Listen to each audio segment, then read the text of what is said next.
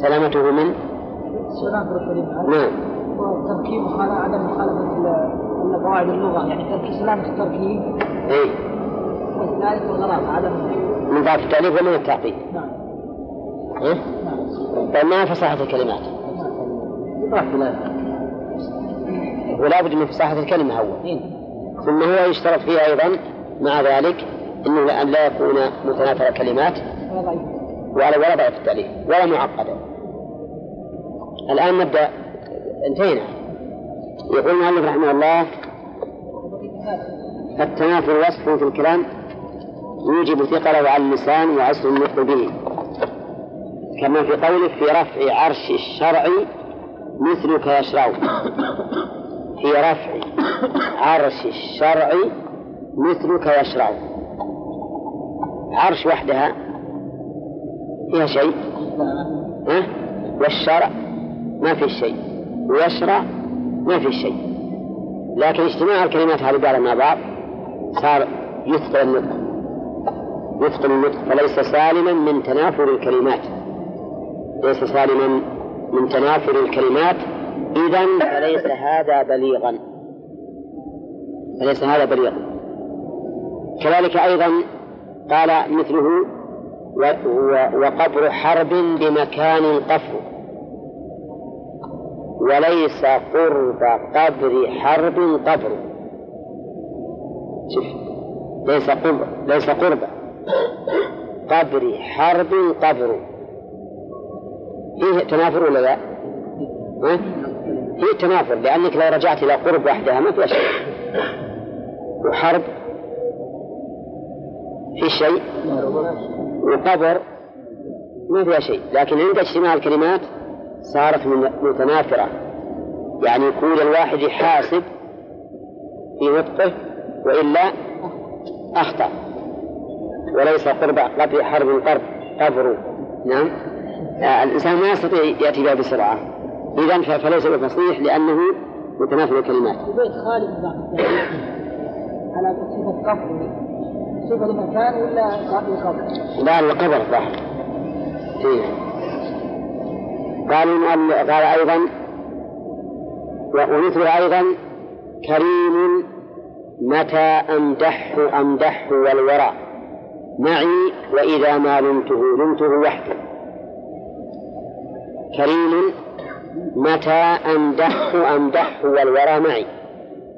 وإذا ما لمته لمته وحدي. الشاهد قوله؟ متى أمدحه أمدحه ها؟ لأنه ما هذا شيء إي نعم. يعني هذا يعني قليل الحقيقة. ما في شيء في ظني ما في شيء كثير. متى أمدحه؟ أمدحه. صحيح أن الحاء بجنب الدال ما تبين بالحيث فكلماته فيها نوع من التنافر. كلماته فيها نوع من التنافر ولكنه يسير بالنسبة لغيره.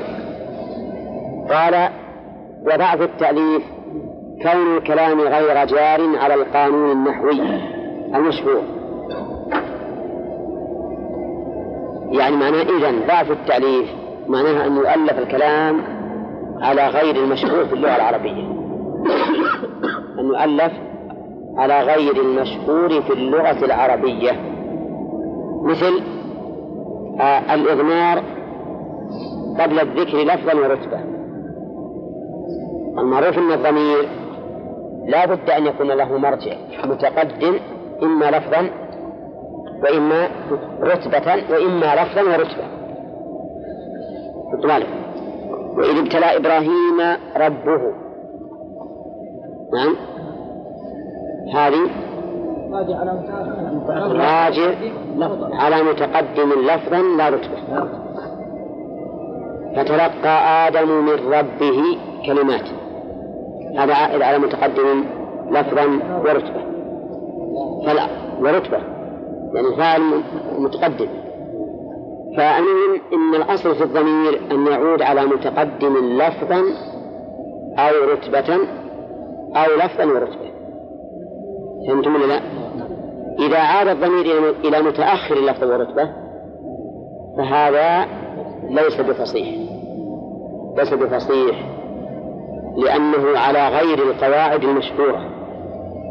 ومن قول الشاعر جزى بنوه أبا الغيلان عن كبر وحسن فعل كما يجزى سمنار جزى بنوه شوف بنوه أبا الغيلان. الضمير في بنوه شاهد عليه. على أبي الغيلان.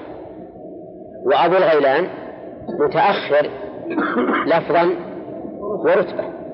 لفظا كما تشاهدون. ورتبة لأنه مفعول به. والمفعول به متأخر عن الفاعل. فهنا عاد الضمير على متأخر لفظا ورتبة اشرح ذلك يا رشيد؟ لازم تعرفون يا جماعة. اشرحوا يا أخ داود أبو الغيلان. الغيلان. الغيلان. جاء متأخر فيصبح رتبة لفظا ورتبة كيف ذلك؟ لفظا ورتبة لأنه به يكون متأخر عن الفاعل أنفع طيب. أبو الغيلان عن كبر وحسن فعل. يعني إذا كبر مع إحسانه إليهم فإنه يسأل الله أن يجزيه كما يجزى سمنار وسمنار يقولون إنه قد بنى بيتا لأحد ملوك الحيرة. قصرا عظيما فخما لما بنى هذا القصر العظيم الفخم وعجب الناس به. قال هذا إن بقي يروح يبني غير قصر مثله أحسن منه. ولكن تفضل الله أصعد للسطح. لما صعد إلى السطح ألقاه من السطح حتى مات. ألقى الباني حتى مات. هذا الرجل الباني مسكين كما تشاهدون يعني محسن جدا. ويجتهد مع هذا الرجل وآخر الأمر أنه يقيم مع سطح القصر الذي بناه له. ويقول يسأل الله أن, إن أبا الغيلان هذا إن بنوه يسوون مثل ما سوى هذا الملك مثل النار. طيب التعقيد إحنا قلنا إن فصاحة الكلام وش قلنا فصاحة الكلام؟ سلامة من تنافر الكلمات. ومن ضعف التأليف ومن التعقيد. ومن التعقيد. يعني أن لا يكون معقدا. وما أكثر التعقيد في المتون المختصرة. نعم؟ تعقيد. والتعقيد نوعان كما سيقول المؤلف. قال المؤلف التعقيد أن يكون الكلام خفي الدلالة على المعنى المراد. أن يكون الكلام خفي الدلالة على المعنى المراد. وهذا الحقيقة في حد ذاته لا بالنسبة للمخاطب لأن المخاطبين يختلفون. بعض الناس تخاطبه فيخفى عليه المعنى الواضح وبعض الناس تخاطبه فيتبع له المعنى الخفي. ولا لا؟ فالمراد هنا ليس المقياس فهوم الرجال أو فهوم الرجال المقياس الكلام من حيث هو. إذا نظرنا إلى هذا الكلام من حيث هو وجدنا أنه خفي الدلالة على المراد. فإذا كان خفي الدلالة على المراد من حيث هو هو. بغض النظر عن المخاطب فإنه يكون فيه تعقيد. يكون فيه تعقيد وهذا خلاف الفصاحة ولهذا تجدون كلام الله ورسوله بين واضح ما فيه تعقيد. فيها تعقيد. إن كل الكتب المختصرة العلمية الغالب فيها تعقيد. والخفاء إما من جهة اللفظ بسبب تقديم أو تأخير أو ما أدري. نشوف بالأمثلة. ويسمى تعقيدا لفظيا. يعني أن الخفاء قد يكون بجهة من جهة اللفظ. بسبب تقديم أو تأخير أو حذف. والظاهر من عندي أو فصل. بسبب تقديم أو تأخير أو فصل. أو حذف أيضا. هذا من التعقيد اللفظية. يعني قد يكون هذا الكلام سبب خفاء المعنى فيه. قدمنا ما حقه التأخير أو أخرنا ما حقه التقديم وقد يكون سبب الخفاء فيه الفصل. فصلنا بين شيئين متلازمين. كالفصل بين المبتدأ والخبر أو بين الفعل والفاعل. أو بين الصفة والموصوف أو ما أشبه ذلك وقد يكون سبب خفائه أيضا إيش؟ الحذف قد يكون سببه الحذف حذف كلمة حذف حرف أوجب أن يكون المعنى خفيا في النطق ولا الكتابة؟ ها؟ في النطق المقصود أم في الكتابة؟ وشلون يعني؟ المقصود الخفاء إذا قرأنا قراءة لا لا إذا إذا إذا قرأنا هذا الكلام هذا الآن خفي علينا المراد منه خفي. ومثال كقول المتنبي جفخت وهم لا يجفخون بها بهم شيم على الحسب الأغر الأكمل. أظن الأغر لا لا دلائل. جفخت وهم لا يجفخون بها بهم. شيم على الحسب الأغر دلائل ها؟ وش معنى هالبيت هذا؟ جفخت إيش معناه؟ ها؟ أظن فيها فيها ضعف فيها أيضا عدم بلاغة ليست فصيحة ليست فصيحة لأن جفخت إيش معنى جفخت؟ انتفخت ها؟ طيب ما أقرأ. جفخت وهم لا يجفخون بها. بهم. شيم على الحسب الأغر دلائل. جفتهم وغشت عليهم. لا. جفخت يقول معناه فخرت. من الفخر والعلو. يعني عرت بهم الشيم وهم لا يعلون بها. يعني الشيم مفتقرة إليهم الذي سواها السيد. الشيم مفتقرة إليهم بعد ما يهم ترى. بعد ما تقول يا محمد؟ طيب أجل هذا ما تتصرف علينا أزل العيون بعد طيب نقول جفخت بمعنى فخرت وعلت وهم لا يجفقون بها. يعني لا يفخرون بها. لأنهم في غنى عنها.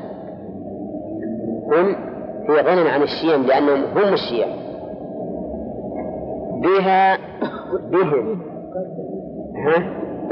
بها متعلقة بيجفخون وبهم متعلقة بجفخة يقولون في تقديم وتأخير لو أنه قدم بهم جفخت بهم وهم لا يجفخون بها ما صار فيه إشكال لكن لما قدم وأخر صار فيه إشكال وهنا تقديم وتأخير وفصل ها؟ ما تشوف؟ ما تشوف؟ ما ما في كتاب تقرأ ما ما له أشوف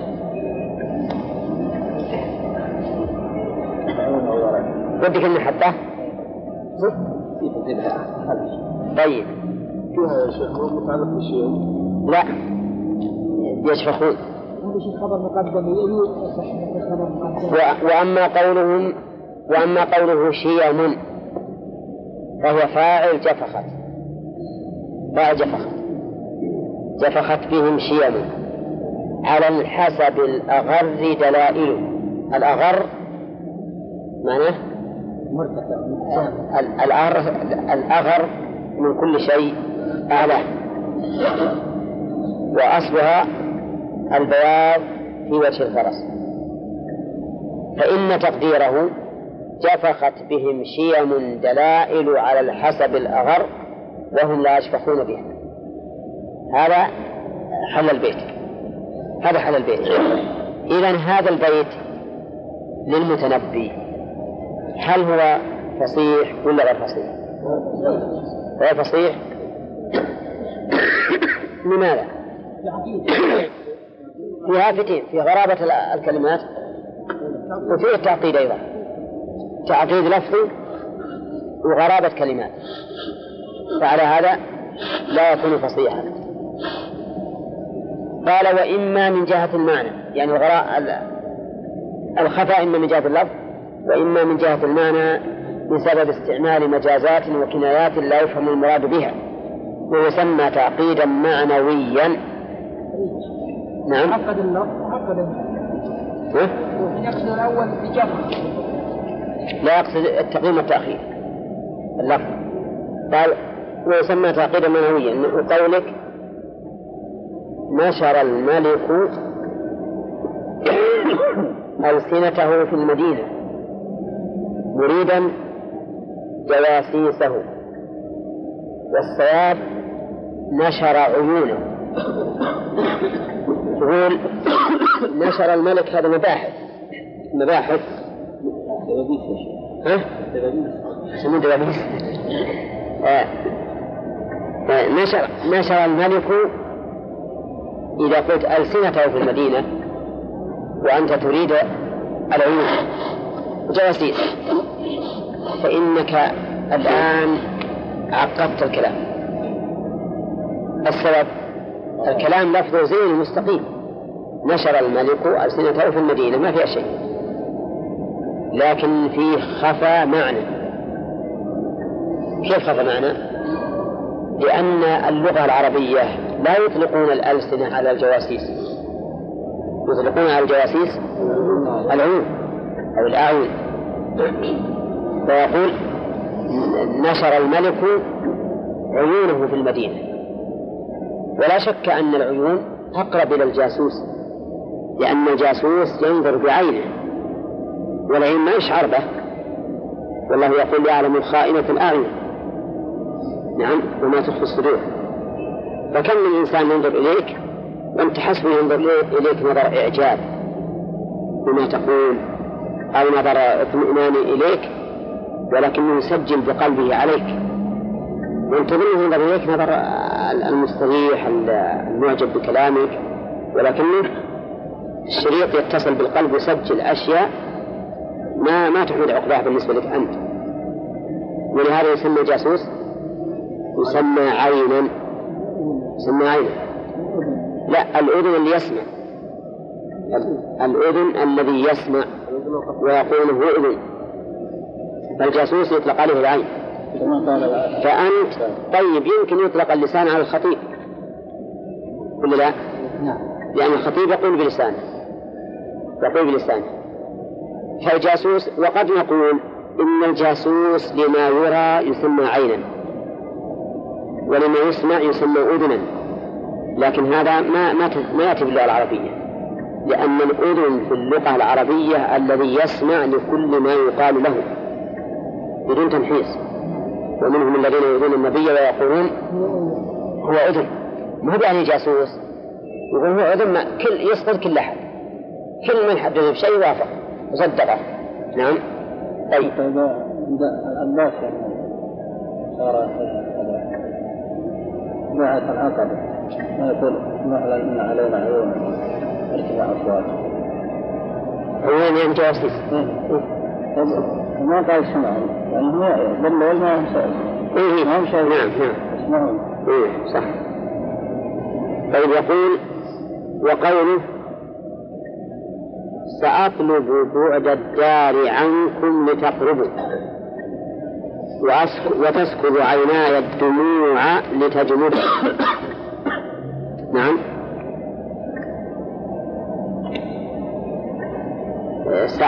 سأطلب بعد الدار عنكم لتقربوا وتسكب عيناي الدموع لتجمد؟ ما البيت؟ إن هذا يقول أنا أطلب بعد الدار عنكم لتقربوا لأني إذا بعدت عنكم اشتقت إليكم فقربتم من قلبي. نعم؟ أو أنني إذا بعدت عنكم اشتقتم أنتم فقربتم إلي.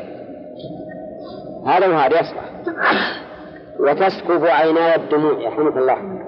وتسكب عيناي الدموع من الفراق لتجمد. الشاهد في قوله لتجمد يقول فعبر حيث كنا بالجمود عن السرور مع أن الجمود يكنى به عن البخل بالدموع وقت البكاء. صحيح هذا بعيد. يقول إن العين إذا بكى الإنسان ولا دمع دمعت عينه معناه أن عينه جامدة ما أصابتها حرارة الحزن فدمعت. فالعين جامدة فيكنى بالجمود عن عدم دمع العين عند الحزن. أخذتوا بالكم. وهناك النبي عن إيش؟ عن السرور عكس ما يستعمل له. عكس ما يستعمل له. فنسمي هذا إيش؟ تعقيدا. معنوية اللفظ ما في شيء كل شيء مكانه. قال وفصاحة المتكلم ملكة يقتدر بها على التعبير عن المقصود بكلام فصيح في أي غرض كان وهذا من هذا؟ فصاحة المتكلم ملكة يعني قدرة يمنحه الله إياه يتمكن بها من التعبير عن المقصود بكلام فصيح في أي في أي غرض كان هذه فصاحة المتكلم وهذه بالحقيقة هل هي غريزة ولا اكتساب؟ غريزة غريزة واكتساب غريزة واكتساب لا شك. فإن بعض الناس يهب الله سبحانه وتعالى قدرة على الكلام الفصيح وتبيين المعنى وتوضيحه ثم لا يزال يتدرج شيئا فشيئا حتى يصل إلى إلى القمة. كما يوجد في كثير من الخطباء وبعض الناس ما يصير عنده قدرة. نعم. ولا يستطيع يعبر. حتى إنه بعض الأحيان عنده معنى في نفسه لكن ما يقدر يجيب ولا كلمة تدل على ما في نفسه. وهذا لا شك إنه من نقص الفصاحة. الفصاحة إن الإنسان يعبر عن المعاني اللي في نفسه أي غرض كان بكلام فصيح يتبين معناه للسامع. نعم؟ طيب فيه فيه طعام يسمونه السندوشت أو والله ما أعرف. نعم. غريب. أو عجمي أظن عجمي الظاهر ظن لغة عربية. لكن يقولون المجمع اللغوي عربه فقال شاطر. شاطر ومشطور بينهما كامخ. يقول هذه أفصح من الكلمة الأولى أي نعم. كلمات ست كلمات متى يعني يموت الواحد من الجوع قبل يعرف معناها. فالحاصل إن إني أقول إن الله سبحانه وتعالى قد جهب الإنسان ملكة يقتدي بها على التعبير عما في نفسه بكلام فصيح مفهوم. نعم. وهذا يتبين لك في الخطباء كثيرا ويتبين حتى في المؤلفين. حتى في المؤلفين. الآن مثلا شيخ الإسلام وتلميذه ابن القيم يتكلم كل منهما بكلام الموضوع واحد. لكن تجد كلام شيخ الإسلام تجده متينا صعبا لأنه فحل تجد كلام ابن القيم وهو فحل أيضا لكن تجده لين واضح الأسلوب وسلس والمعنى واحد الموضوع واحد. هذا مثلا يتكلم في الطلاق الثلاث وذاك يتكلم به. يتكلم هذا في الطلاق بالحيض وذاك يتكلم به. لكن تجد بين كلامهم فرقا عظيما كلام شيخ الإسلام اللي ما يتمرن عليه يصعب عليه فهمه إلا إنسان عاد يتمرن عليه دائما يطالع في كفره يسهل عليه. يألفه رحمه الله. في صعوبة نعم. إيه نعم. تقرأ أربع اسطر أربع مرات. خامس ما تفهم قليل قليل هذا. قليل جدا. كما في كلام شيخ الإسلام أيضا شيء. شبيه كلام ابن القيم يكون واضح وبين. فالحاصل إن مثل هالمسائل هذه منه من الله سبحانه وتعالى على العبد. ولكن الله من على يشاء من عباده. فما الذي جزمتم عليه الآن قبل لا نخلي الكتاب هذا ولا نأخذ نصوره؟ مسألة الت- التبرع وعدم التبرع بسيط. لكن بس إن التصوير اللي عندي هذا مو طيب بالحين إيه؟ أنا أقدر أسوي زي عشرة إيه؟ زهر بوش زهر بعشر ولكن يصير واضحات ما في بعد نعم. الآن اللي عندك ها؟ الآن اللي عندك إيه؟ ما في يعني هي على كل حال منهم من الجيدات صحيح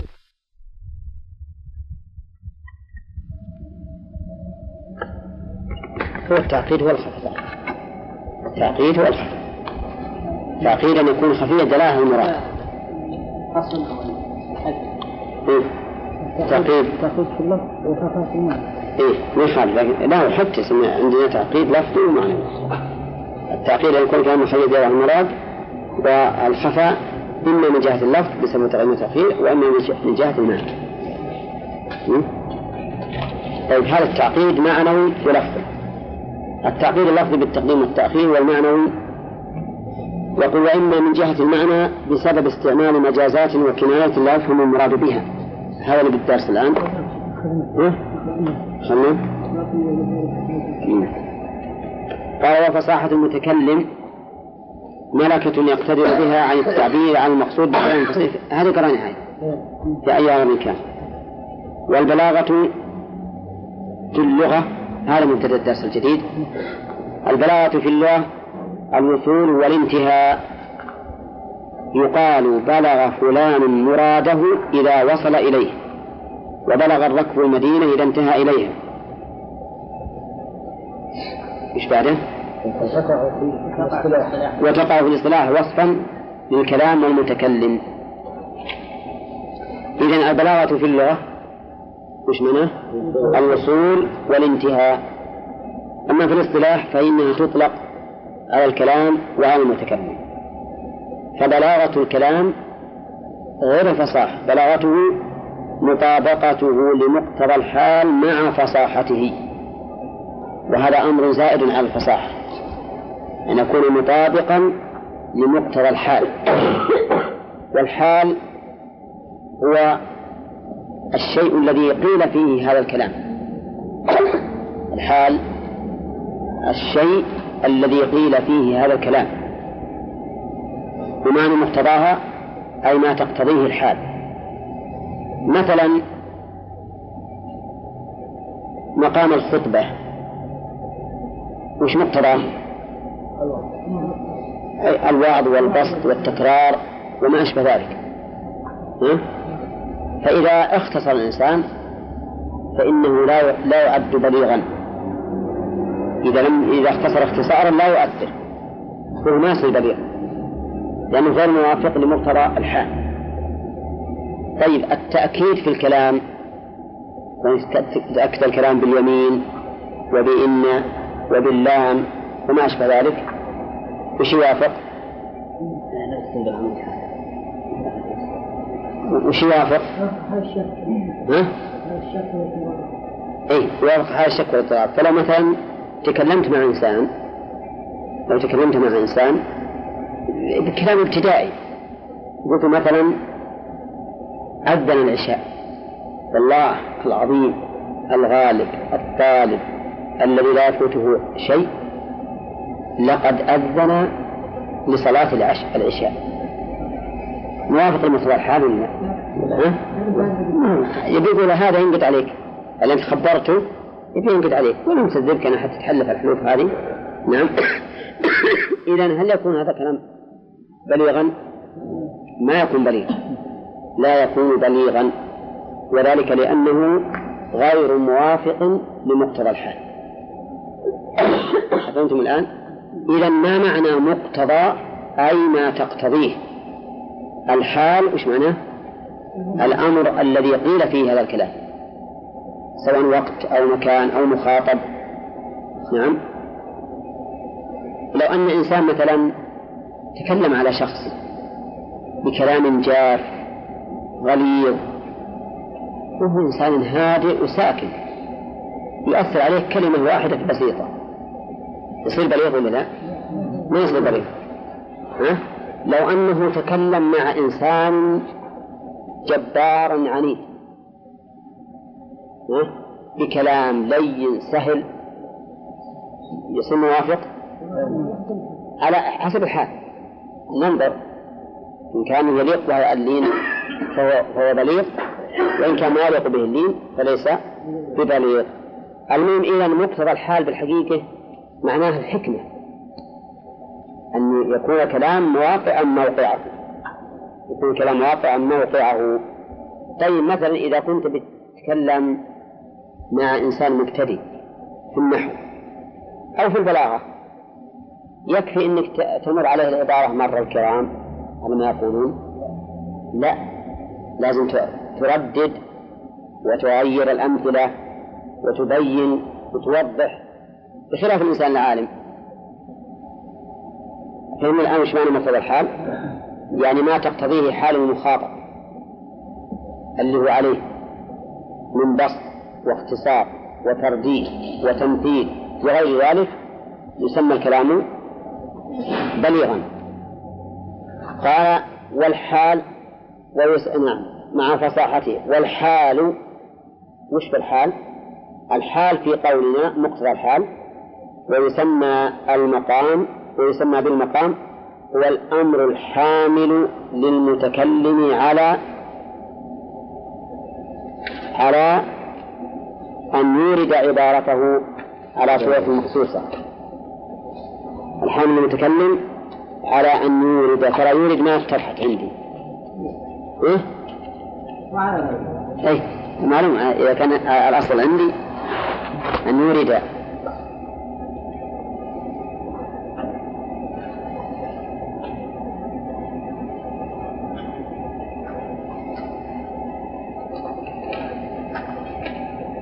يورد عبارته على صورة مخصوصة. هذه هذه الحال. فعلى هذا إذا كان الأمر يقتضي التأكيد يؤكد. إذا كان يقتضي عدم التأكيد لا يؤكد. إذا كان يقتضي البسط يبسط. إذا كان يقتضي الاختصار يختصر؟ مثلا رجل جاءه العدو. جاءه العدو. وأراد أن ينذر قومه. فوقف. وقال يا أيها الناس إن العدو خطير وإنه قد أقبل علينا وإنه قريب منا. نعم. ومجاهدة العدو لإعلاء كلمة الله من الجهاد في سبيل الله فأخلصوا النية وانظروا إلى أسلحتكم وقربوها ثم احملوها ثم استعدوا له. والعدو عنده. مناسب هذا؟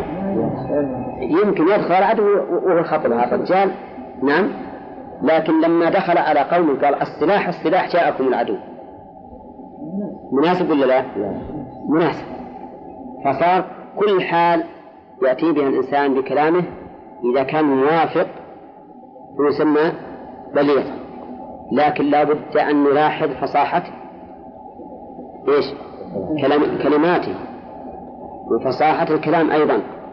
كما مر يعني لابد من فصاحة الكلمة ولابد من فصاحة الجملة ولابد من فصاحة المتكلم.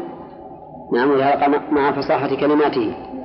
فإذا يا جماعة صار البلاغة هي أن يكون إيش؟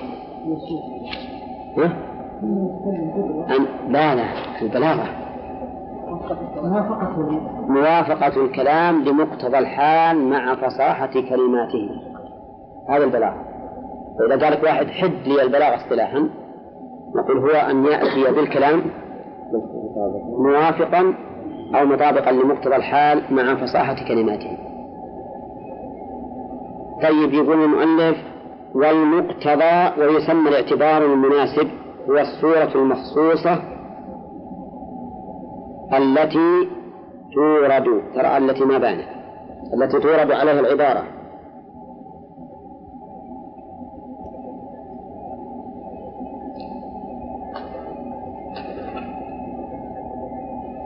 التي تورد عليه العبارة. المقتضى هو المؤلف ويسمى الاعتبار المناسب. يعني ما تقتضيه الحال. كل مقام له مناسبته. والصورة المخصوصة التي تورد عليها العبارة مثلا المدح. حال يدعو لإيراد العبارة. لإيراد العبارة في صورة الإطناب أولى المدح. ويقتضي أن تورد العبارة بصورة الإطناب. وش معنى الإطناب يا أبو سينا وش معنى الإطناب؟ التطويل. الإطناب التطويل. والإطناب الإسهاب هذا مو بليغ لأن الإسهاب أخفى من الإطناب. نعم. إنما يأتي بصورة الإطناب يعني يطول. ولهذا تجدون صفات الله عز وجل. الإثبات فيها كثير. والنفي فيها قليل. نعم لأن الإثبات كله صفات مدح. كله صفات مدح. وأنت عندما تريد أن تمدح إنسان تطلب تذكر صفاته الحميدة لأجل أن يحمد عليه ويمدح. وكذلك أيضا يقول وذكاء المخاطب حال يدعو لإيرادها على صورة إيش؟ على صورة الإيجاز مضاف بعد عندي.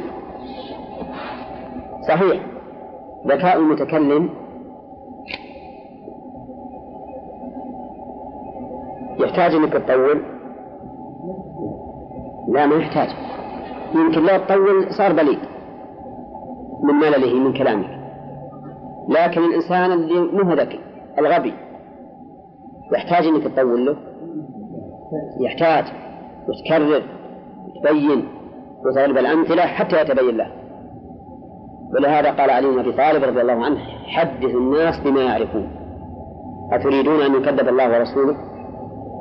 فالإنسان الذكي يكفيه الكلام القليل. ولا تطول عليه مل وكل ذهنه وصار مثل الغبي. والإنسان الغبي يحتاج إلى أن يقال له الكلام. كذلك الإنسان اللي عنده إلمام وعنده نوع من العلم يحتاج إلى التطويل ولا لا؟ ما يحتاج. لكن تو داخل في العلم يحتاج إلى التطويل وضرب الأمثال. فهذا مقتضى الحال الذي نقول إن بلاغة الكلام أن يكون مطابقا لمقتضى الحال مع فصاحة كلماته. طيب يقول والذكاء نعم.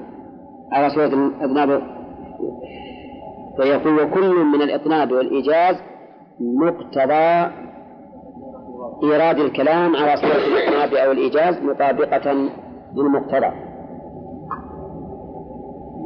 وكل من الإطناب والإيجاز مقتض. فكل من مدح الذكاء حال. وكل من الإطناب والإيجاز وإيراد الكلام كما مقتضى إيراد كذا؟ مقتضى وإيراد مطابق إيه صح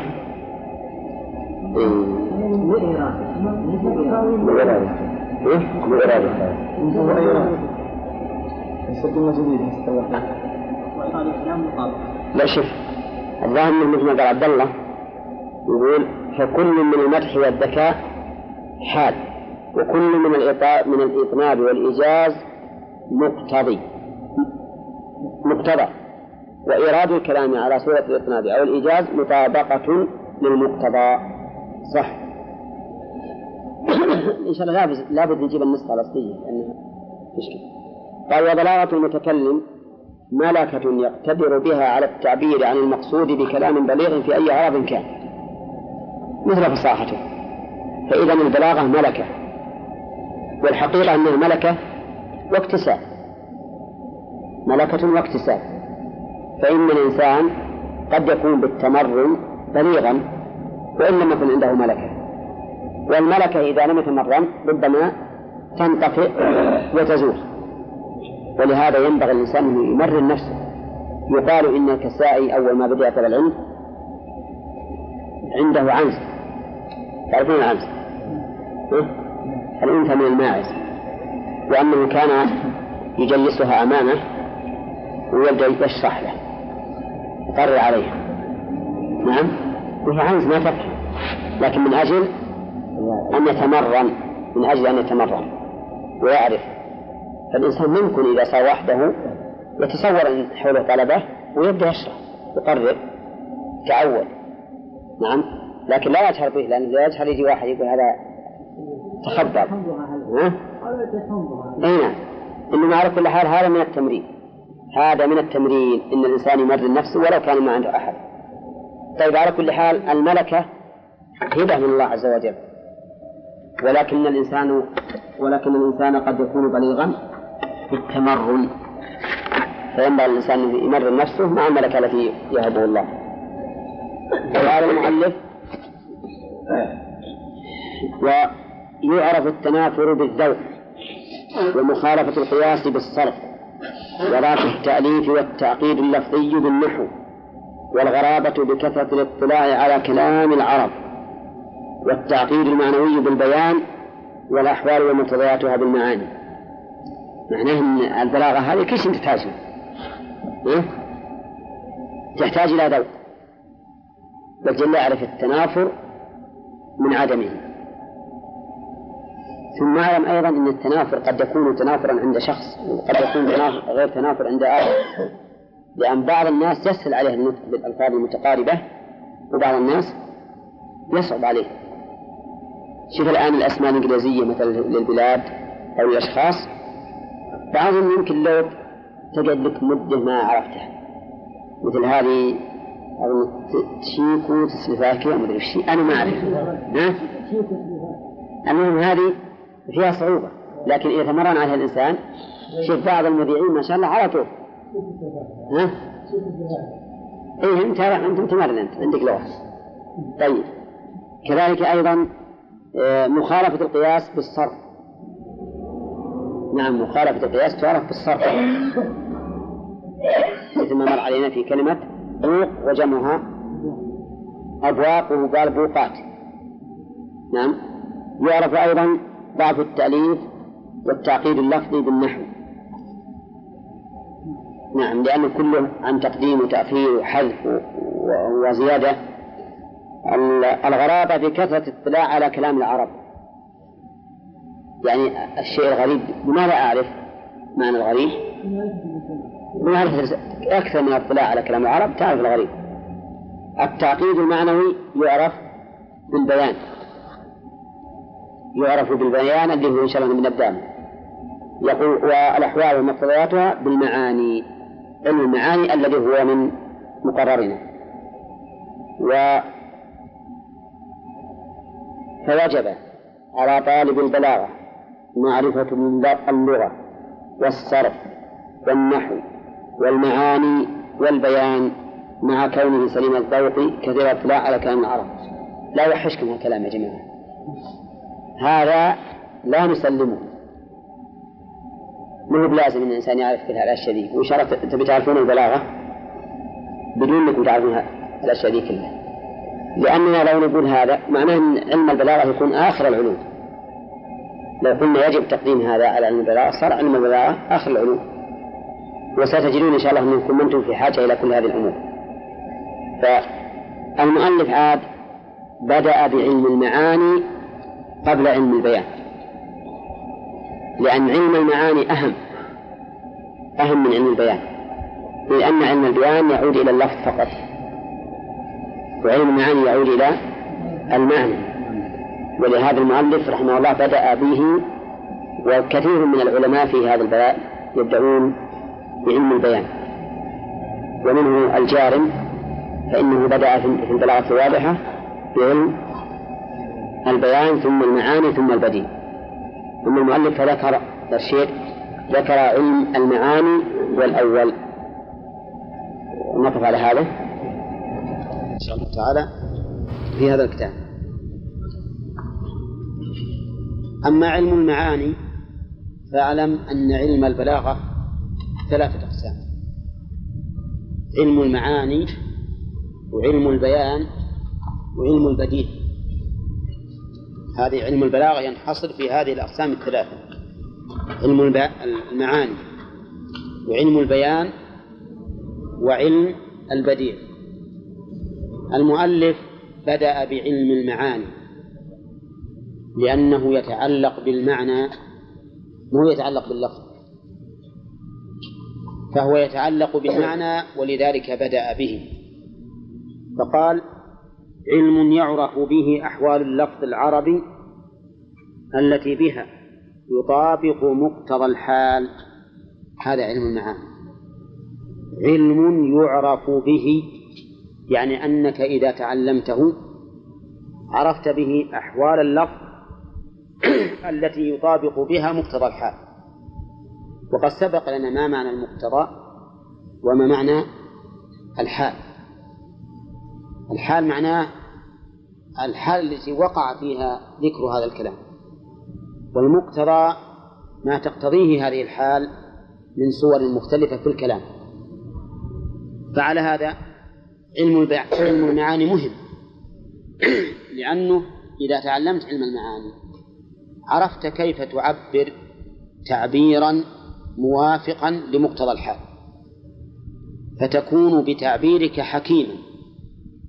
لأنك عبرت على ما تقتضيه الحال ومعلوم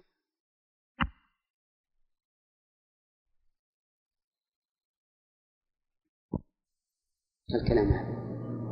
قال هذا الكلام عندها أبلغ من قول امرئ القيس قفا نبكي من ذكرى حبيبي ومنزل. وهي معلقة المعلقات السبعة التي اعتنى بها العرب. فلكل مقام مقال.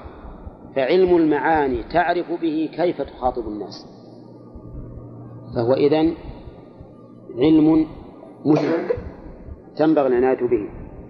يقول المؤلف ضرب مثل قال فتختلف صور الكلام لاختلاف الأحوال. نعم تختلف الصور باختلاف الأحوال. أنا الآن أقول لزيد إن عمرا قادم غدا. أقول لا أقول عمرو قادم غدا. مشى صدقني ومشى. يحتاج زيادة ولا ما يحتاج؟ ما يحتاج. لكن لما قلت له استغرب. رأيت منه الاستغراب والاستبعاد. فأقول له حينئذ أؤكد شوي. أقول إن زيدا قادم غدا.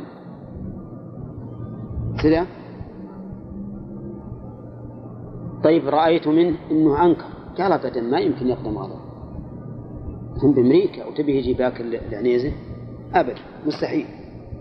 هنا إذا نقول له والله إنه ليقدم غدا. أو إن زيدا ليقدم غدا. ولا لا؟ حسب قوة الإنكار. فالآن اختلفت صور الكلام بحسب حال المتكلم.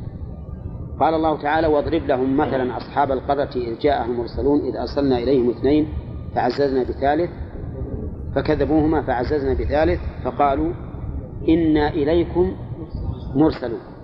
أكدوه ها؟ حال المخاطب فقالوا إنا إليكم مرسلون. قالوا ما أنتم إلا بشر مثلنا وما أنزل الرحمن من شيء إن أنتم إلا تكذبون. إنكار. صريح. وش قالوا؟ ربنا يعلم إنا إليكم لمرسلون. شوف أكدوا فالأول جابوا مؤكد واحد. إنا إليكم مرسلون. وفي الثاني؟ ها؟ ثلاث. لأن ربنا يعلم مثل القصد. وإنا ولمرسلون اللام ثلاثة مؤكدات. لأن الحال تغيرت. فالمؤلف رحمه الله يقول تختلف صور الكلام لاختلاف الأحوال. مثال ذلك قوله تعالى وأنا لا ندري أشر أريد بمن في الأرض أم أراد بهم ربهم رشدا. كلام من؟ كلام الجن. وراء هذا يقول قوله تعالى. ها؟ نعم لأنه قول الله تعالى باعتبار حكايته عن الجن. ولا فهو قول الجن؟ ولهذا يحسن أن يقال مثل قول الله عن الجن. مثل قول الله عن الجن أحسن ليتضح الأمر. وأنا لا ندري أشر أريد بمن في الأرض أريد. ثم قال أم أراد بهم ربهم رشدا؟ اختلفت الصورة ولا لا؟ ها؟ قال فإن فإنما قبل أم. صورة من الكلام تخالف صورة ما بعدها. أشر أريد. وهنا أم أراد بهم ربهم رشدا. وش وجه الاختلاف؟ شرحه المؤلف. قال لأن الأول فيها فعل الإرادة مبني للمجهول والثانية فيها فعل الإرادة مبني للمعلوم. أراد بهم ربهم. معلوم. أريد مبني للمجهول. كذا؟ أظننا قلنا في النائب عن الفاعل آه، إنه فيه تعبيرين للعلماء. وش مبني للمجهول إيه. ومبني لما لم يسمى فاعله. مفعول أو لما لم يسمى فاعله. طيب. هنا نقول مبني المعلوم والحال الداعي لذلك نسبة الخير إلى إليه سبحانه وتعالى في الثانية ومنع نسبة الشر إليه في الأولى. لأن هذا من باب الأدب. ما تنسب الشر إلى الله؟ أشر أريد. ما قال؟ أرى أشرا أراد الله بهم أشرا أراد الله بهم ما قال هكذا؟ قال أشر أريد. ولي قال أم أراد بهم ربهم رشد والشر ليس إلى الله ولا ينسب إلى الله إذن هل معنى ذلك إن الله ما خلق الشر لا ولكنه سبق لنا ولا بأس من إعادته وإن كان المقام الدرس ليس هذا موضعه لكن نقول إن فعل الله سبحانه وتعالى نفس الفعل كله خير. والذي ينقسم إلى خير وشر هو المفعول. المفعول ينقسم إلى خير وشر. فالإبل التي خلقها الله ليركبها الناس ويأكلون منها ويشربون هذه هذه خير. والسباع التي تأكل الناس وتأكل مواشيهم هذه شر لكن الشر فيها. أما بالنسبة لخلق الله لها فلا شك أنه خير. فالمقضي منه خير ومنه شر ومنه ما يجب الرضا به ومنه ما يحرم الرضا به. ففي الأمور الكونية يقول خير وشر وفي الأمور الشرعية ما يرضى وما لا يرضى. فالمعاصي من كفر وفسوق وكبائر وصغائر مقضية لله عز وجل لكن لا يجوز الرضا بها. والطاعات مقضية لله عز وجل ولكن يجب الرضا بها. يجب الرضا بها. آه، طيب. إذا أشر أريد بمن في الأرض. ولا شك أن الله تعالى أراد هذا وهذا. لكن من باب التأدب لا يضاف الشر إلى الله سبحانه وتعالى لا يضاف إليه. فتبين بهذا أن علم المعاني مهم جدا وأنه يخاطب الإنسان فيه على حسب حاله. فلما كان الشر لا ينسب إلى الله قالت الجن أشر أريد. ولما كان الخير ينسب إليه قالت أم أراد بهم ربهم رشدا؟ نعم. يذكرون بالآية هذه على آيات القرآن. نعم. في الألفاظ نعم. كيف ذلك نقل عن هذه عن قول الله إي نعم لأن الله سبحانه وتعالى ما هو بينقل عن الناس أقوالهم بلفظها. القرآن معبر به من عند الله سبحانه وتعالى. ولهذا تجدون في قصص الأنبياء تجدون تتفاوت القصة الواحدة تتفاوت. لأن الله تعالى يحكيها سبحانه وتعالى بقوله معبرا عن معناها وإلا فموسى ما هو يتكلم باللغة العربية مثلا وفرعون ما يتكلم باللغة العربية. وهكذا من ليسوا من العرب الذين ينقل الله عنهم ليسوا يتكلمون باللغة العربية. اسمه بالأصل عقيدة هو يعني إيه لكن الجن قالوا في صيغة بناء نعم هكذا. قالوه بصيغة البناء المفعول لكن هل هذا هو لفظهم؟ هذه ولا نعم. قالوه ولهذا نثني على الجن بهذه في هذه الآية. إنما هذا هل هو لفظهم؟ وفوجه الإعجاز أن قوله أشر أريد من في الأرض إن جمعت من المعاني شيئا كثيرا وأما أراد بهم ربهم رشدا أنها جمعت أيضا شيئا كثيرا من المعاني. ثم قال المؤلف وينحصر الكلام هنا على هذا العلم في ستة أبواب. هذه ترغب الإنسان. ستة أبواب سهلة نعم. فهو الآن مؤلف هذه هذا من أساليب البلاغة. إنه يرغب الإنسان غيره. فالباب الأول الخبر والإنشاء.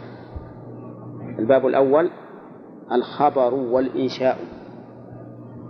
انتبهوا يا جماعة أنتم أنا بركز على حسين وإخوانه وكذلك صار الطلبة لأن هذا درس جديد. وجديد على الجميع.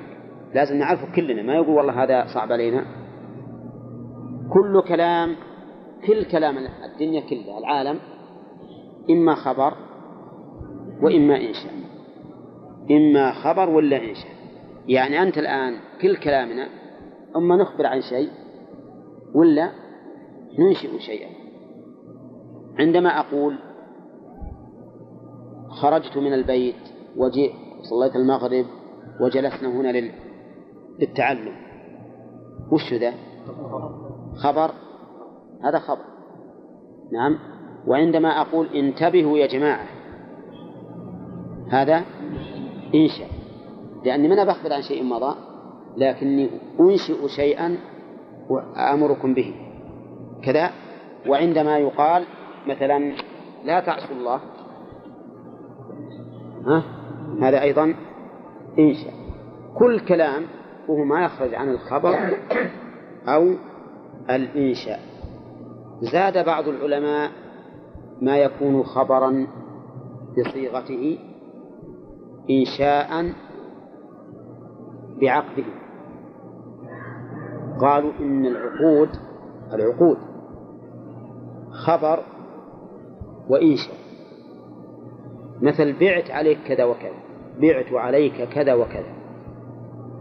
هذا خبر ولا إنشاء لا أنا ما بعته باعتبار الإخبار عما في القلب. فهو خبر. وباعتبار عقد البيع معك فهو إنشاء ولهذا إذا قلت وقفت بيتي يظهر يظهر المعنى أو أثر الخلاف؟ إذا قلت وقفت بيتي. إن كان خبرا محضا حنا ننظر ننظر هل أنت وقفت أمس مثلا ولا ما وقفت؟ إن كانك ما وقفت فالكلام كذب ولا يكون البيت وقفا. أما إذا قلت وقفت بيتي إنشاء يعني الآن وقفت صار وقفا ولا لا؟ صار وقفا صار وقفا. كما لو قال الرجل طلقت زوجتي. وهو يريد خبر عن عن طلاق مضى يصلح ولا ما يصلح؟ يصلح. كلمة طلاق زوجتي يعني مثل أمس. إحنا ننظر إن كان مطلقة فيما مضى فالطلاق وقع بالطلق بالطلاق الأول. إن كان ما طلقه يكذب علينا ها؟ فالطلاق لا يقع. أما لو قال أردت بقولي طلقت زوجتي الآن يعني إنشاء الطلاق من الآن وقع الطلاق. فبعض العلماء ألحق صيغ العقود وجعله قسما ثالثا وهو أن من الخبر ما هو خبر باعتبار صورته وإنشاء باعتبار عقده. نعم. وبعضهم يقول هذا ما يخرج في الواقع عن الخبر والإنشاء وإن كان خبرا باعتبار وإنشاء باعتبار. إذا كل خبر على هذا هو الذي مشى عليه المؤلف. كل خبر فهو إما كل كلام فهو إما خبر وإنشاء.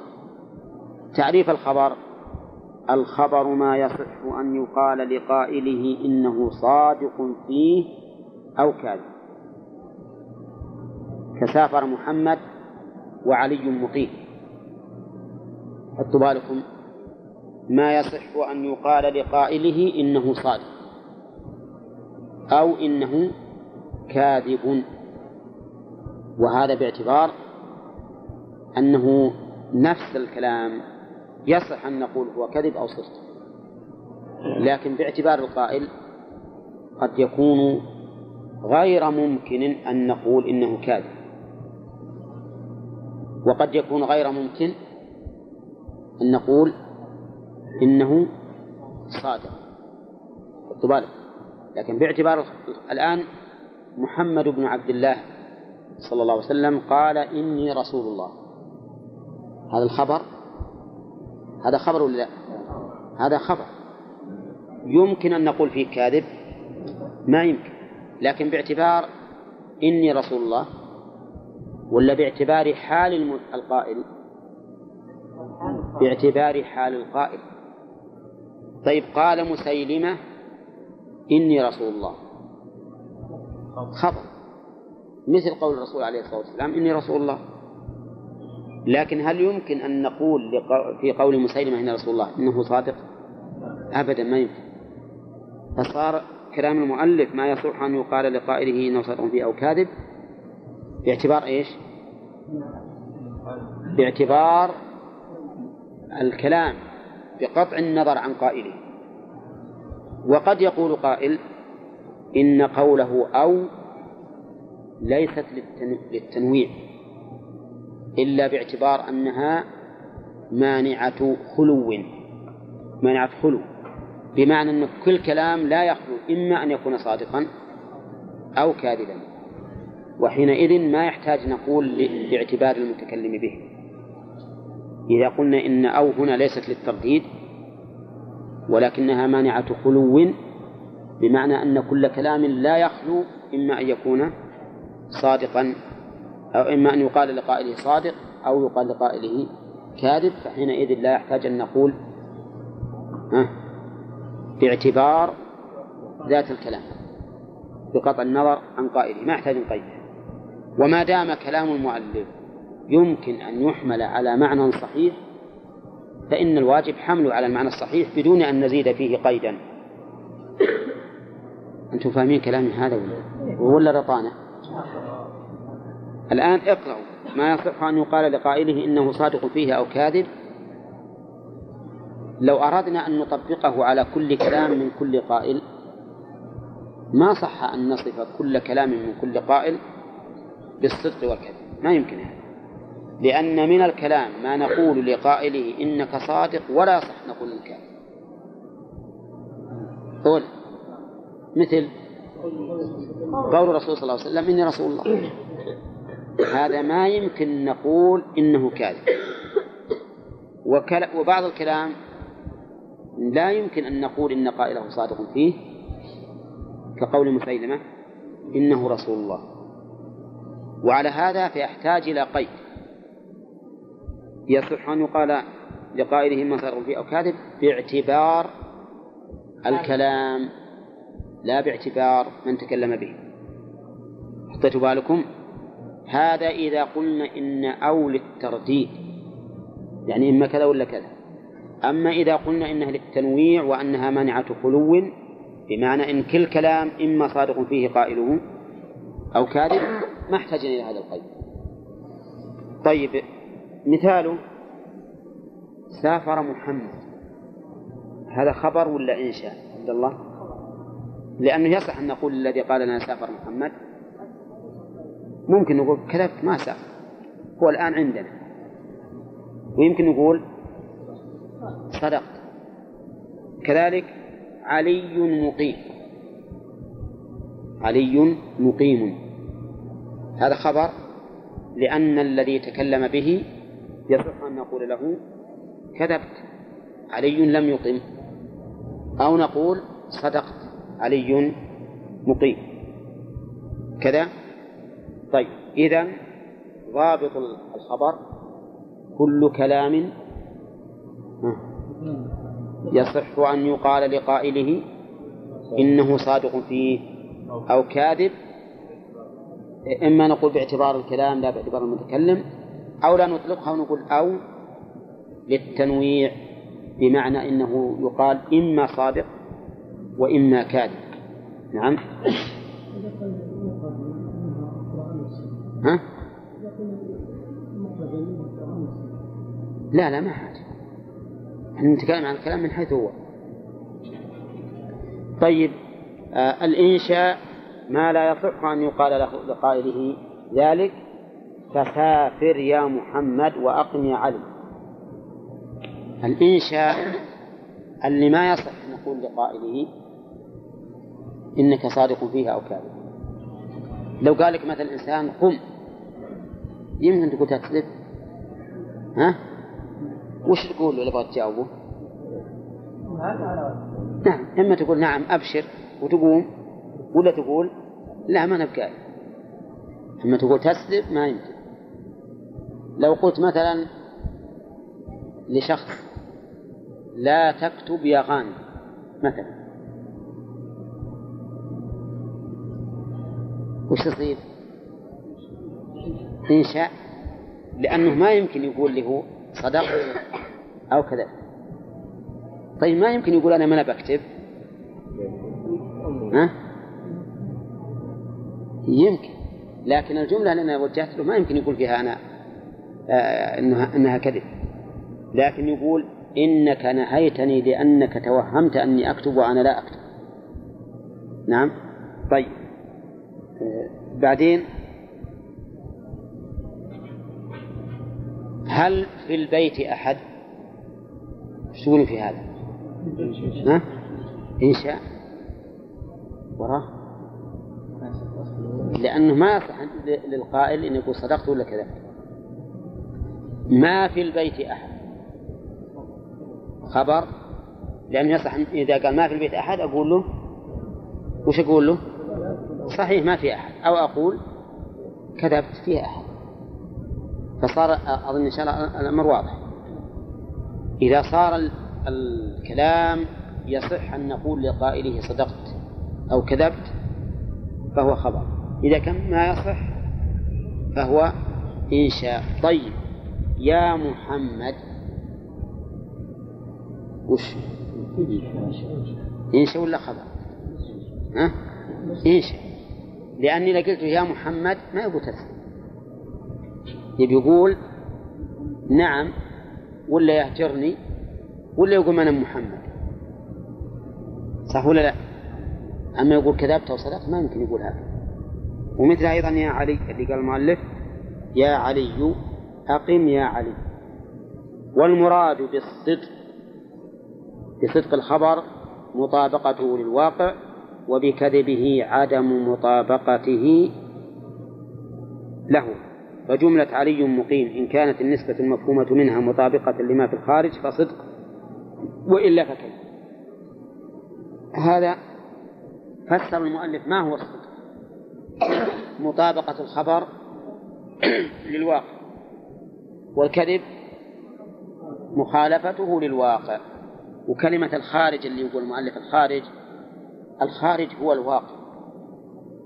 لكن هذه العبارة جاء بها المؤلف من كلام المتكلمين لأن الخارج يقابله ما في الذهن. ما في الذهن مقدر.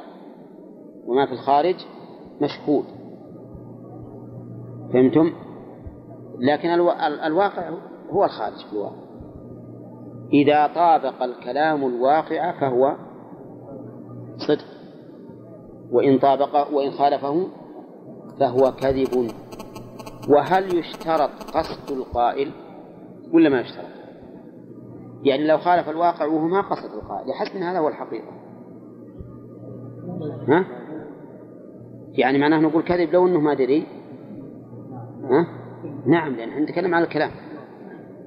نتكلم على الكلام من حيث هو كلام. فرجل جاء إلينا وقال الليل الليل الاحد هو يعتقد إن الليل الاحد الليلة الأحد. وش نقول؟ ها؟ نقول كذب. هذا كذب. سيدا نقول لك كذبت إي نعم. هذا الكلام كذب غير موافق للواقع لأن الليلة على اثنين. قال رجل إن يد الله قدرته. ها؟ نقول كذبت وضللت ولا لا؟ نقول ضال. لو هو ما قصد الضلال. ها؟ نعم له مقصد الضلال. لكنه ضلال لا يذم عليه إذا كان ممن عرف بحسن النية والقصد. إذا يا جماعة صار الكلام إنه إن صح أن إن طابق الواقع فهو صدق. وإن خالفه فهو كذب ولا نلتفت إلى نية القائل أو عدم نيته. حتى لو ما قصد الكذب فهو كذب. واضح؟ طيب. إذا قال مثلا كلمت فلانا كلمت فلانا وهو كلم إنسان يظن فلان. ولكنه ليس فلانا ها؟ نقول كذب جاء واحد يقول أنا رأيت النبي صلى الله عليه وسلم البارحة. نعم.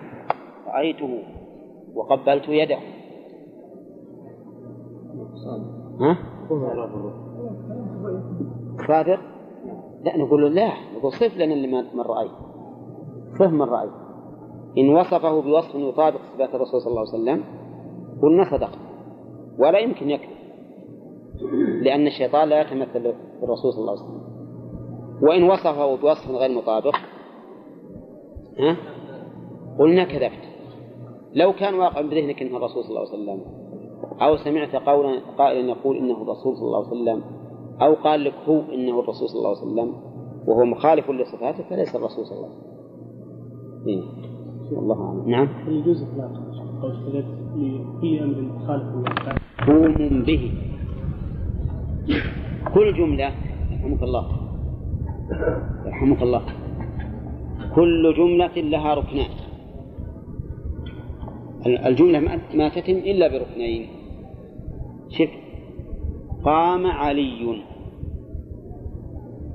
قام علي.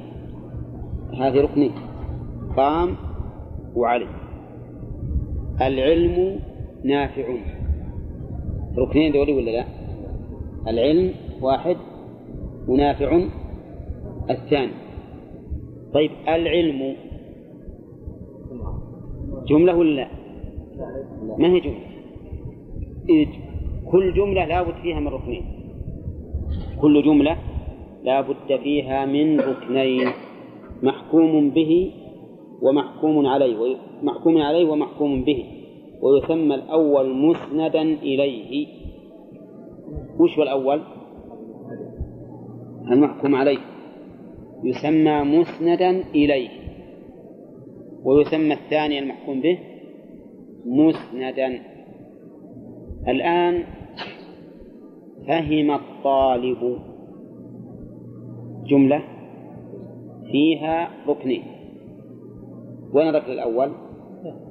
فهم. والثاني الطالب.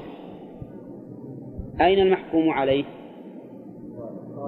ها؟ الطالب. والمحكوم به؟ الفهم.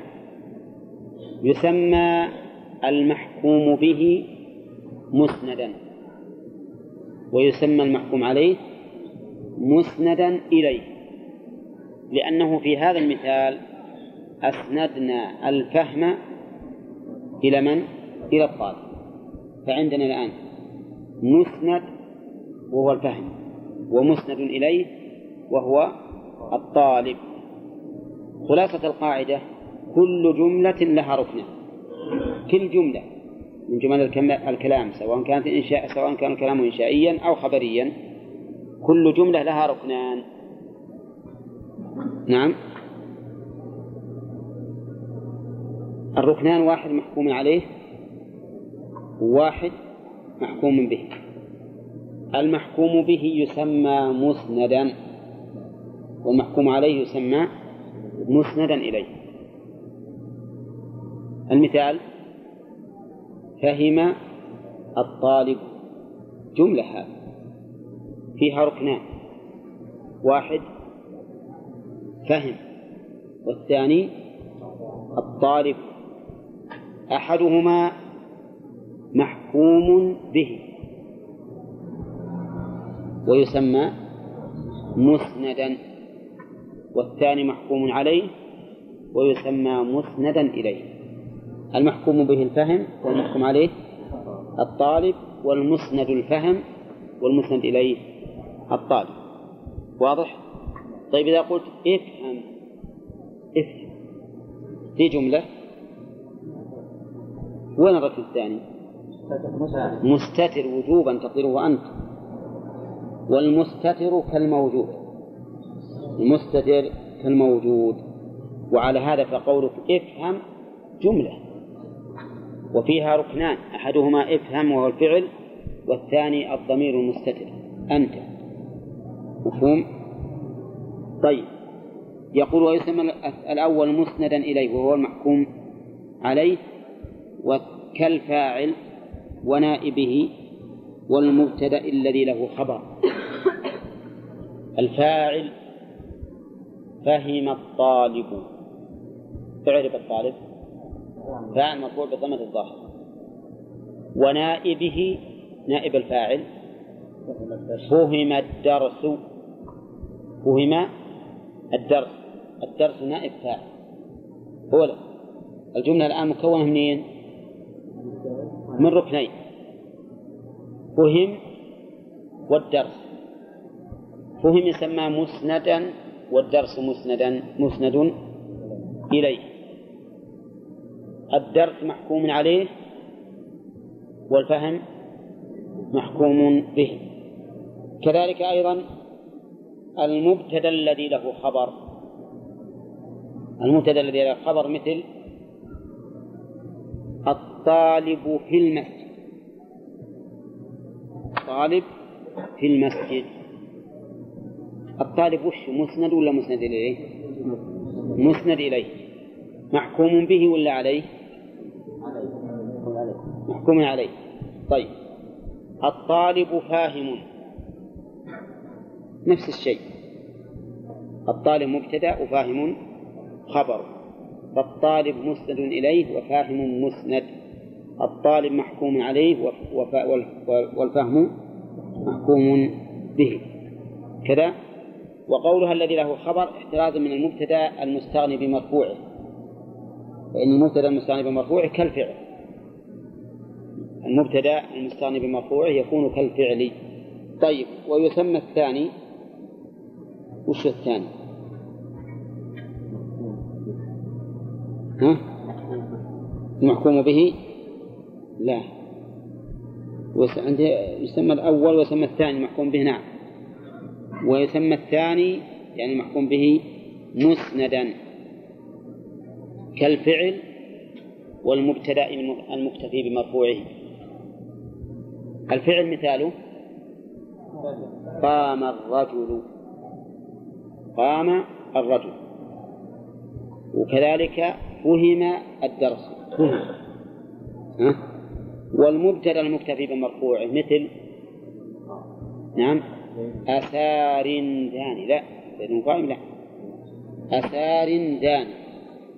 هذه وين إحنا ندور إحنا وين هي فيه؟ بالألفية ها؟ هذه بالألفية فأول مبتدأ أثار دان. داني. شوف سار مبتدأ أولى سار مبتدأ وهو محكوم عليه ولا محكوم به؟ عليه محكوم به. أثار ذاني المحكوم عليه ذاني لأنها فاعل ثاني. والفاعل محكوم عليه. والفعل والمبتدا المستغني بمرفوعه محكوم به. أظن واضح. ها؟ طيب أعود مرة ثانية. أقول أفاهم الطالب. دعنا من أفاهم الطالب.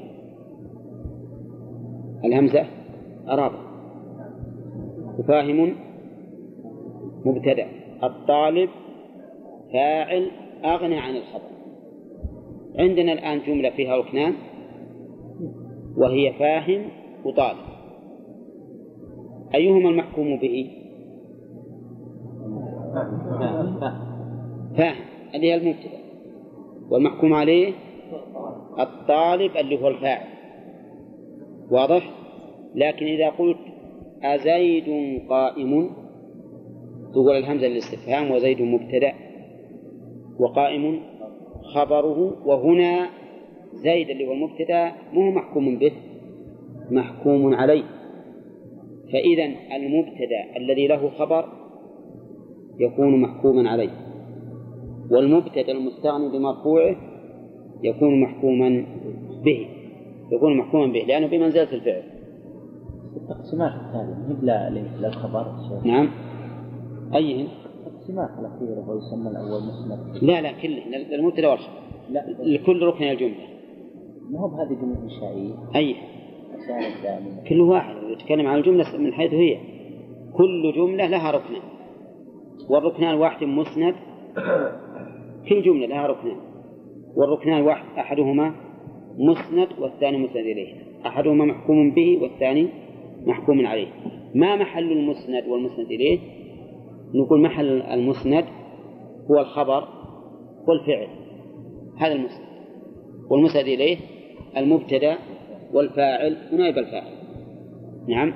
إلا أن المبتدأ إذا كان مستغنيا بمرفوعه فإنه يكون هو المسند وليس المسند إليه. طيب يقول المؤلف رحمه الله الكلام على الخبر. الخبر إما أن يكون جملة فعلية أو اسمية.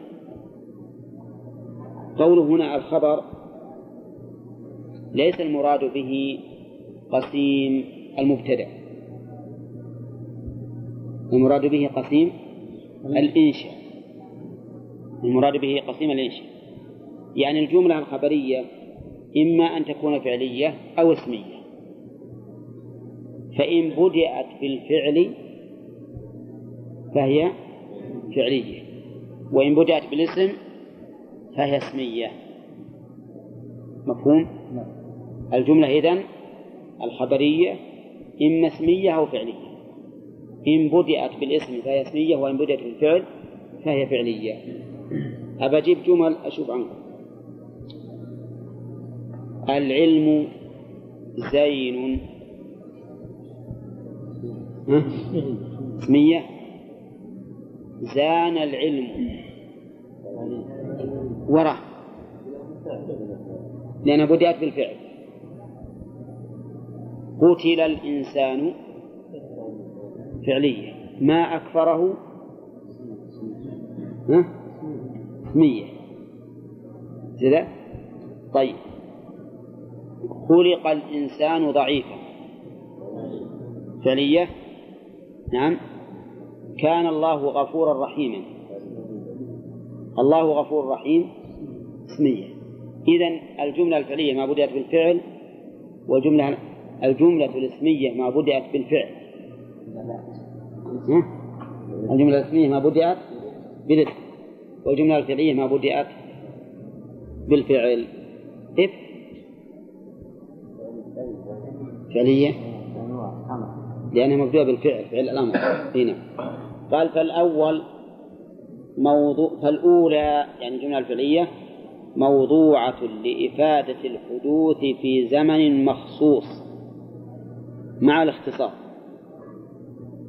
الأولى اللي هي الجملة الفعلية موضوعة لإفادة الحدوث في زمن مخصوص.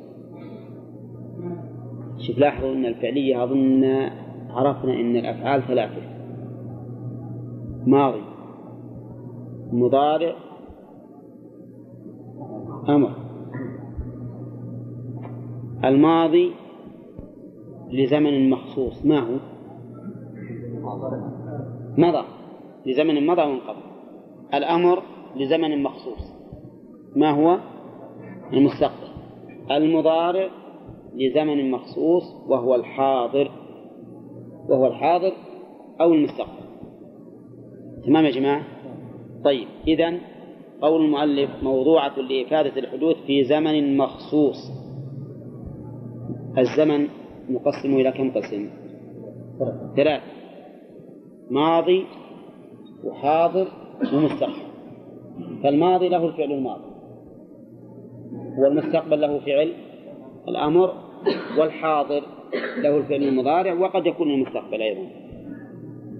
يكون المستقبل. طيب وقول المؤلف مع الاختصار. مع الاختصار. لأن كلمة ضرب قام زيد. قام زيد. تدل على معنى الفعل وزمنه. أولى وهي كم كلمة؟ كلمة واحدة. دلت على مدلولين الفعل وزمنه. هذا وجه الاختصار. يعني بدل ما تقول زيد قائم أمس تقول ها؟ قام زيد. وهذا اختصار واضح. نعم. مع الاختصار وقد تفيد الاستمرار. قد للتقليد يعني الجملة الفعلية قد تفيد الاستمرار التجددي التجددي بالقراء إذا كان الفعل مضارعا. يعني الجملة خاصة جملة الفعلية المضارعية قد تفيد الاستمرار التجددي. وش معنى التجددي؟ يعني أنه يتجدد شيئا فشيئا. يتجدد شيئا فشيئا. وهذا خاص بالفعل المضارع. مثاله وكلما وردت عكاظ قبيلة بعثوا إلي عريفهم يتوسم. وين الشاهد؟ يتوسم. هذه مو بيتوسم الآن فقط. كله. فهي إذا تفيد التجدد هنا. ها؟ أولى. الاستمرار التجدد بالقرينة. وين القرينة؟ كلما كلما. البيت كلما وردت عكاظ قبيلة. ورد فعل ماضي وكل التأنيث وعكاظ فاعل منصوب. وأنا متنصب مفعول به هو اللي الفعل الله حديث. مقدم. يجوز أننا نقدم المفعول قبل الفاعل. ها؟ منين ناخذ من كلام ابن مالك؟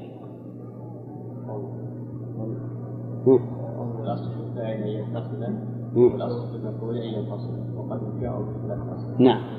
وقد يجاء بخلاف الأصل. هذا من خلاف الأصل. بعثوا إلي عريفهم من هو العريف؟ شيخ القبيلة. العريف كبير القبيلة الذي يطلب منه معرفة القوم. يطلب منه معرفة القوم. وقوله يتوسم يعني يتتبع العلامات. لأنه مأخوذ من السمة وهي العلامة. فهنا الفعل أفاد الاستمرار التجددي بالقراء القرينة اللي معنا؟ كلما كلما كلما والثانية اللي هي الجملة الخبرية اللي هي الجملة الاسمية موضوعة لمجرد لمجرد ثبوت المسند. عندكم؟ للمسند إليه. نحو الشمس مضيئة. هذه مجرد يعني الجملة الرسمية موضوعة لثبوت المسند للمسند إليه. لمجرد ذلك عدل الاستمرار أو غير الاستمرار هذا يكون بالقرائن أيضا. فصار الفرق بينهما أن الجملة الفعلية بإفادة الحدوث والجملة الاسمية لإفادة اتصاف المسند إليه بالمسند. المقصود من الجملة الاسمية إفادة اتصاف المسند إليه بالمسند. الشمس مضيئة. أتيت بها لإفادة أن الشمس متصفة بالإضاءة لا أن إضاءتها متجددة. بخلاف ما إذا قلت أضاءت الشمس. فإن المعنى تجدد إضاءتها. نعم إضاءتها. قال وقد تفيد الاستمرار بالقرائن إذا لم يكن في خبرها فعل. قد تفيد الاستمرار بالقرائن. متى؟ إذا لم يكن في خبرها فعل.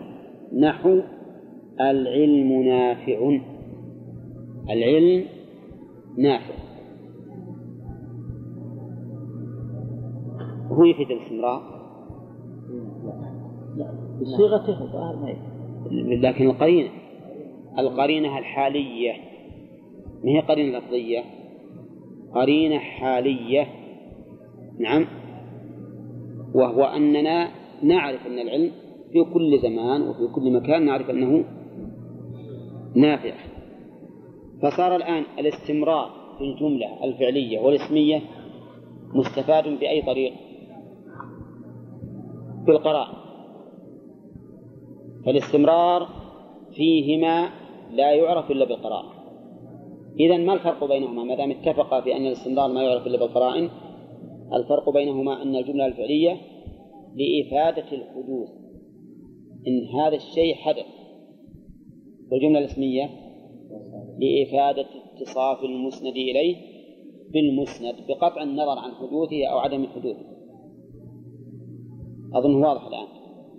فصار الجملة الفعلية تفيد الحدوث والجملة الاسمية تفيد الاتصاف. اتصاف المسند إليه بالمسند. هل تفيدان الاستمرار؟ لا. إلا ها؟